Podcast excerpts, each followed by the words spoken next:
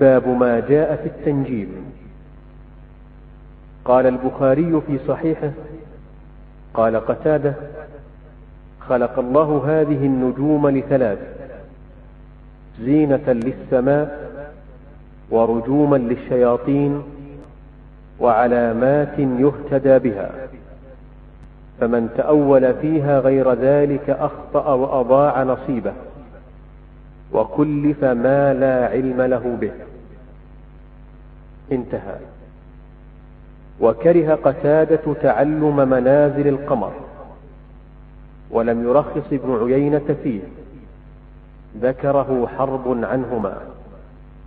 ورخص في تعلم المنازل أحمد وإسحاق. وعن أبي موسى قال قال رسول الله صلى الله عليه وسلم ثلاثة لا يدخلون الجنة. مدمن الخمر ومصدق بالسحر وقاطع الرحم. رواه أحمد وابن حبان في صحيحه. كتاب التنجيم من كتابه كتاب التوحيد. لما كان التنجيم شائعا بين الناس وله من يتبعه ويبني عليه أشياء ذكر هذا في كتاب التوحيد تنبيها على بطلان التنجيم والتنجيم مصدر نجم ينجم تنجيما يعني حذر وحدث بما يعتقده في النجوم.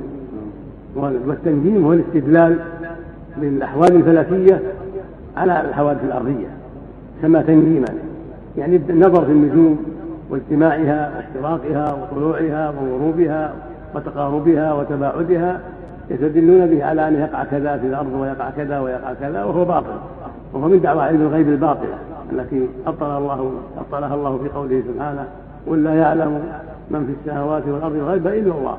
وفي قوله سبحانه ولله غيب السماوات والأرض. الآية المقصود أنها التنجيم من دعوى علم الغيب وهو الاستدلال بالاحوال الفلكية على الأحوال الأرضية. هذا هو مقصود المؤلف من هذا الباب بيان التحذير منه. أما النظر في النجوم من باب التفسير من منازل القمر حتى تعلم الأوقات أوقات الصلوات وحتى تعلم القبلة وتعلم الطرقات هذا لا بأس به كما قال أحمد وإسحاق. وإن كرهه قتادة وكرهه ابن عيينة ولم يرخص لكن الصواب جواز. تعلم المنازل لمعرفة جهات القبلة في الأسفار والبلدان ولمعرفة أوقات الصلوات عند الغيب وعند الحاجة إلى ذلك. هذه أمور لا بأس بها.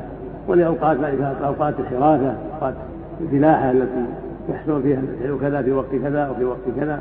هذا لا بأس قال قتادة خلق الله هذه النجوم لثلاث. قتادة بالدعامة بالكسر الدوسي السدوسي من كبار التابعين التابعين معروفين رواية عن جماعة من الصحابة وهو من الثقات المعروفين. كره قتادة تعلم منازل القبر قال قتادة خلق الله النجوم ثلاث زينة للسماء يعني خلقها زينة للسماء مرجوما للشياطين وعلامات يهتدى بها. فمن تأول في غير ذلك وزعم أنها تدل على كذا أو كذا من علم الغيب فقد أخطأ واضاع نصيبه يعني من الآخرة. وتكلف فلا علم له.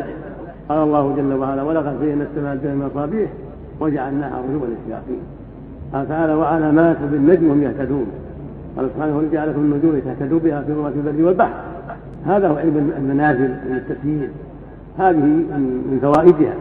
وأما الاستدلال بها على انه يولد كذا ويكون الملك كذا ويزول الملك كذا ويحدث كذا هذا كله لا اصل بل هو باطل. ولهذا قال وكره قتاده المذكور تعلم المنازل في القمر ولم يرخص ابن عيينة فيه وهو سفيان بن عيينة المعروف الإمام المشهور المتوفى سنة 98 و100 هذا قول لهما وهو ضعيف مرجوع عند أهل العلم. ورخص بفعل المنازل أحمد وإسحاق أحمد بن حنبل وإسحاق بن راهوية. وذلك لا بأس به كما تقدم. من منازل سير منازل القمر والشمس يعرف بها الأوقات أوقات الصلوات وجهات القبلة وجهات المياه وطرق البلاد وما أشبه ذلك. كما قال الله جل وعلا وهو الذي جعلكم النجوم لتهتدوا بها في ظلمات البر والبحر. وعن أبي موسى هو الاشعري عبد الله بن قيس الأشعري رضي الله عنه صحابي الجليل اليماني عن النبي صلى الله قال ثلاثة لا يدخلون الجنة مدن الخمر هذا وعيد شديد هذا من باب الوعيد لأن ادمان الخمر من كبائر الذنوب. وصاحبه تحت المشيئة إذا مات على ذلك. أما إن تاب فالتائب لا ولكن مدمن الخمر إذا لم يستحلها كان لم يستحلها فهو عاصي فإن استحلها فهو كافر نعوذ بالله. وقاطع الرحم كذلك قطيعة الرحم من الذنوب العظيمة والكبائر. كما قال صلى الله عليه وسلم الجنة قاطع الرحم. فهذه قطيعة الرحم من أكبر الكبائر. وكذلك إتمام الخمر من أكبر الكبائر. يقول النبي صلى الله عليه وسلم لا يشرب الخمر حين يشرب وهو مؤمن ويقول صلى الله عليه وسلم إن حق على الله لمن مات ويشرب الخمر أن يسقيه من ذات الخبائث. قيل يا رسول الله ما كانت الخبائث قال عصارة أهل النار أو قال عرق أهل النار.